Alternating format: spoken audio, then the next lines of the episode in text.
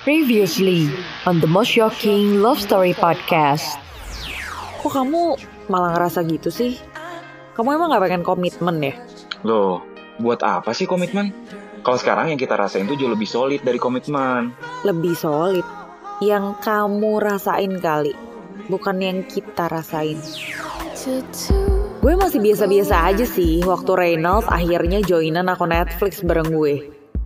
Tapi waktu minggu depannya dia tiba-tiba minta gue beliin dia laptop. Gue udah mulai ngerasa gak wajar nih. Tapi gue gak bisa nolak. Dia bilang, Sayang, aku boleh minta tolong kamu nggak? Jadi gini, aku minta tolong kamu beliin MacBook Pro yang baru dong. Jadi gini, kamu beliin aku dulu, nanti aku nyicil kamu per bulannya. Bisa cicilan 0% pakai kartu kredit nih. Cicilan 6 bulan aja. Limit kartu kredit kamu masih banyak kan? Soalnya kartu kredit aku udah limit. Ya sayang ya? Boleh ya? Aku butuh laptop baru nih buat kerjaan aku. ya gue gak mau mikir negatif tentang Reynald. Wajar aja kan kalau di masa pandemi kayak gini hampir semua orang ngalamin kesulitan finansial. Reynald mungkin gak punya orang lain yang bisa dia mintain tolong. Iya, jadi wajar aja kan kalau dia minta tolong gue sebagai pacarnya. Kan gue orang yang paling deket sama dia. Iya, wajar dong kalau dia minta tolong.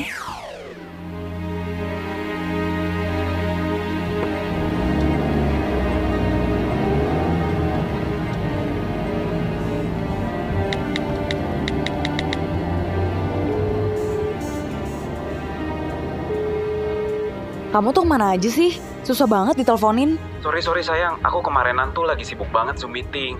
Saya bisa ada tujuh meeting gitu, kebayangkan aku sibuknya kayak apa? Oh, sibuk Zoom. Tapi kok WhatsApp kamu online terus ya kayaknya? Kamu juga lama lagi balas WhatsApp aku. Aku kan harus balas WhatsApp dari bos-bosku yang lain. Mereka tuh tergantung banget sama aku, makanya mereka selalu kontak aku. Aku perlu ngomong sesuatu sama kamu. Tapi aku maunya ketemuan. Aku nggak mau ditelepon doang. Mau ngomong apa? Ya udah ya udah. Kamu kosan aku aja ya. Kamu mau datang jam berapa?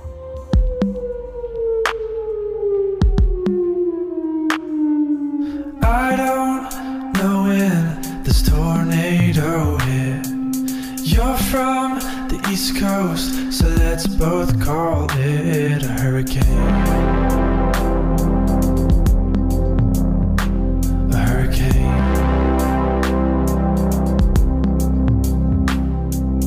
Pacing Jadi, kamu mau ngomongin apa? Yang urgent banget tuh apa sih? Mendingan kamu jawab pertanyaan aku dulu deh. Kenapa sih akhir-akhir ini kamu susah banget dihubungin? Segitu sibuknya. Sampai susah banget buat angkat telepon. Atau cuma balas WhatsApp doang, susah banget deh. Kamu kamu harus ngertiin aku dong, Len. Aku udah bilang berkali-kali, aku tuh sibuk banget. Zoom meeting aku tuh banyak banget. Aku sampai nggak punya waktu buat diriku sendiri. Ya tapi kan balas WhatsApp cuma sebentar, Rey.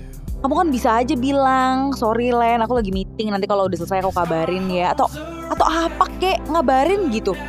Ya ampun, itu kan cuma masalah kecil. Lagian apa sih masalah kamu yang lebih penting dari kerjaan aku? Aku udah seminggu telat, Rey. Telat. Eh, telat apa maksudnya? Aku udah seminggu terlambat mens. Hah? Tapi kan aku selalu pakai kondom waktu sama kamu. Enggak, ada satu kali yang kamu nggak pakai. Aduh, kamu juga sih. Kenapa nggak ingetin aku sih? Oh jadi sekarang kamu malah nyalain aku? Bukan gitu sih. Udah, udah, udah, udah. Jangan panik dulu. Kamu mendingan beli test pack dulu. Cek dulu, siapa tahu ini false alarm doang. Bisa juga kan? Kamu udah ngecek belum? Iya, ya belum sih. Tapi aku pengen ngomong sama kamu dulu aja. Ya udah, ya udah. Kamu tes dulu. Abis itu, kamu nanti kabarin aku lagi. Segera ya.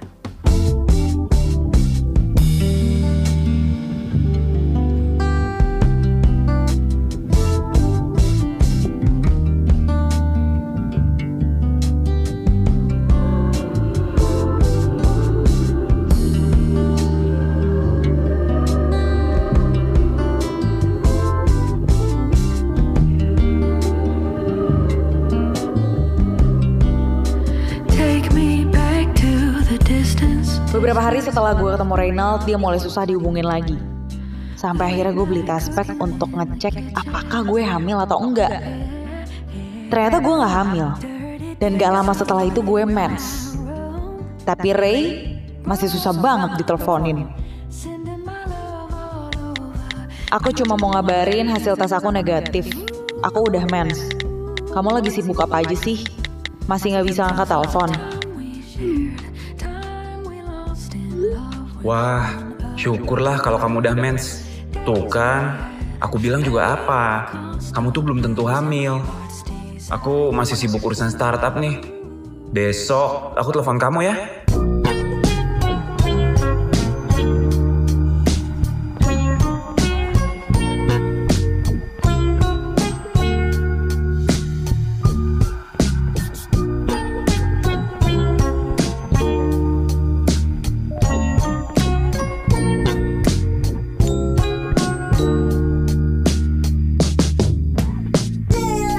Sampai keesokan harinya Reynald nggak juga nelfon gue.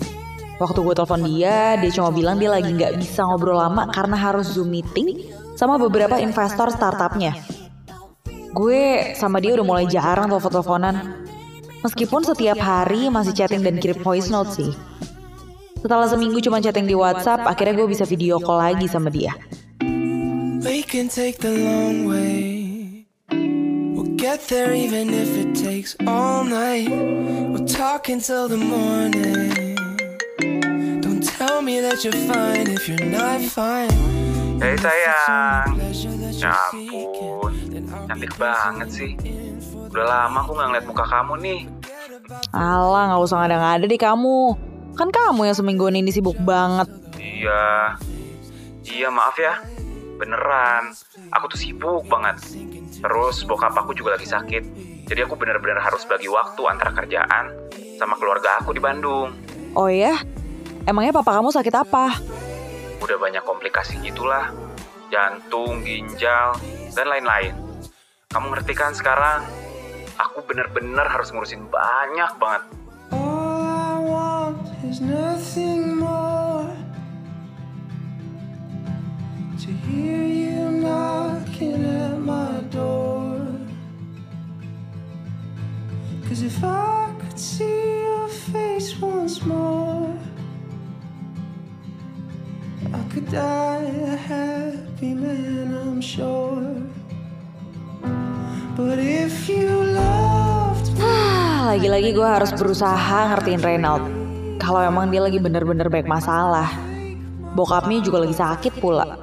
Jadi dia bilang dia harus bolak-balik ke Bandung.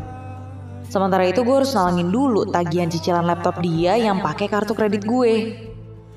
Ya nggak enak juga kan, dia lagi musibah, masa gue harus nagih sih utangnya dia.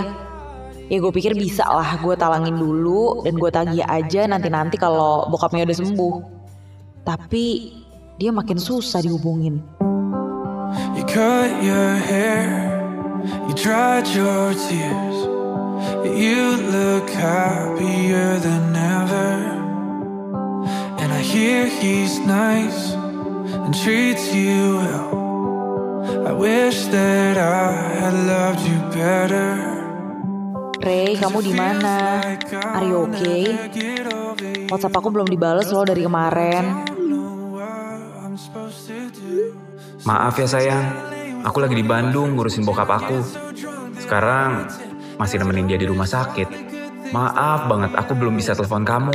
Hmm, maaf ya kalau aku ganggu. Cepet sembuh ya buat papa. Aku sebenarnya nggak enak banget ngomongin ini. Tapi aku cuman mau ingetin. Tagihan cicilan laptop kamu udah mau jatuh tempo. Aku mau bayar kartu kreditku nih. Aduh, maaf banget ya sayang. Aku belum bisa bayar bulan ini. Aku harus nanggung biaya pengobatan bokapku yang gak ditanggung BPJS. Aku boleh mulai bayar ke kamu bulan depan gak? Yang bulan ini kamu tolong aku ya. Bayarin dulu, boleh ya?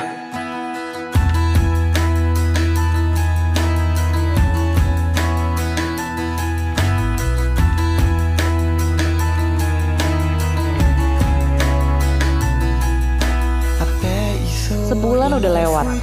Reynald tiba-tiba ngilang. Gak ada kabar sama sekali. Gak ada update apa pun di sosmednya. Telepon gue gak pernah diangkat. WhatsApp gue gak pernah dibales. Dan gue kaget banget waktu gue datang ke kosannya. Tiba-tiba ibu kosnya bilang, dia udah gak ngekos di situ lagi dong. Dan udah sebulan kabur juga dengan nunggak biaya sewa kamar kos yang udah dua bulan. Gue benar-benar gak tahu harus cari dia ke mana. Dan gue juga gak tahu siapa temennya.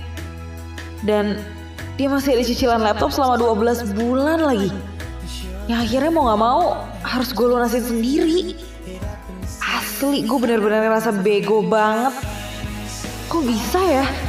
Gue ketipu dengan segitu gampangnya.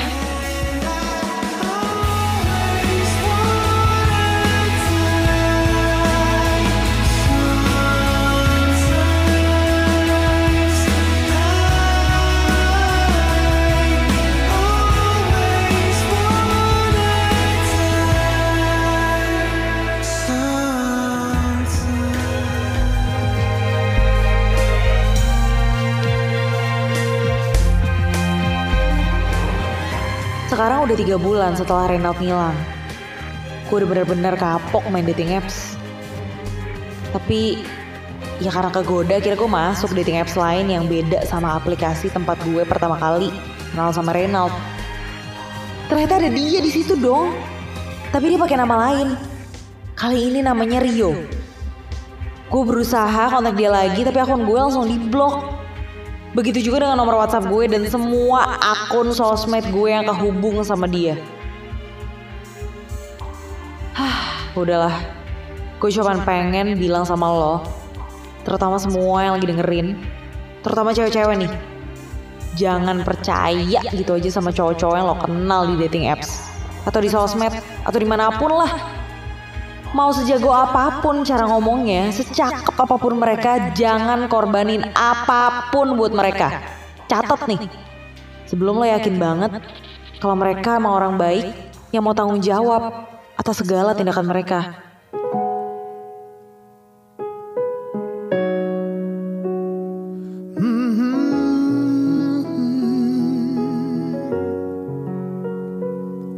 I've made up my mind.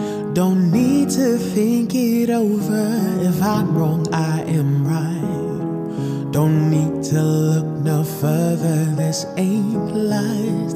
I know this is love. But if I tell the world.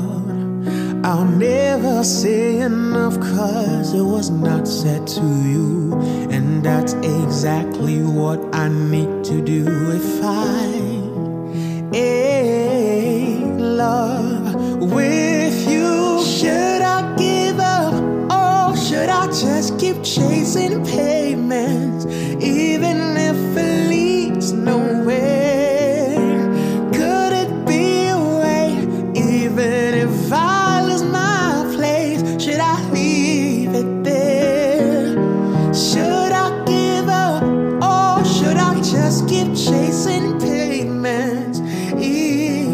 Even if it leads nowhere I build myself up and fly around in circles, waiting as my heart drops, and then my back begins to tingle finally. Could this be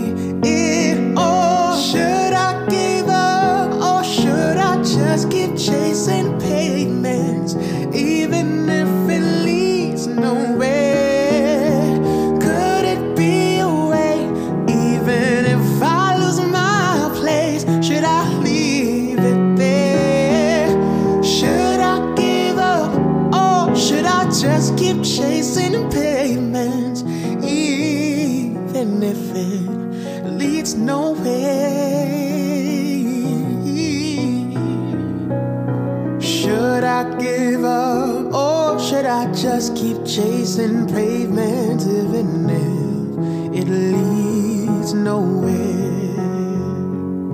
Would it be a waste even if I knew my place? Should I leave it there or should I? Should I just keep on chasing pavement?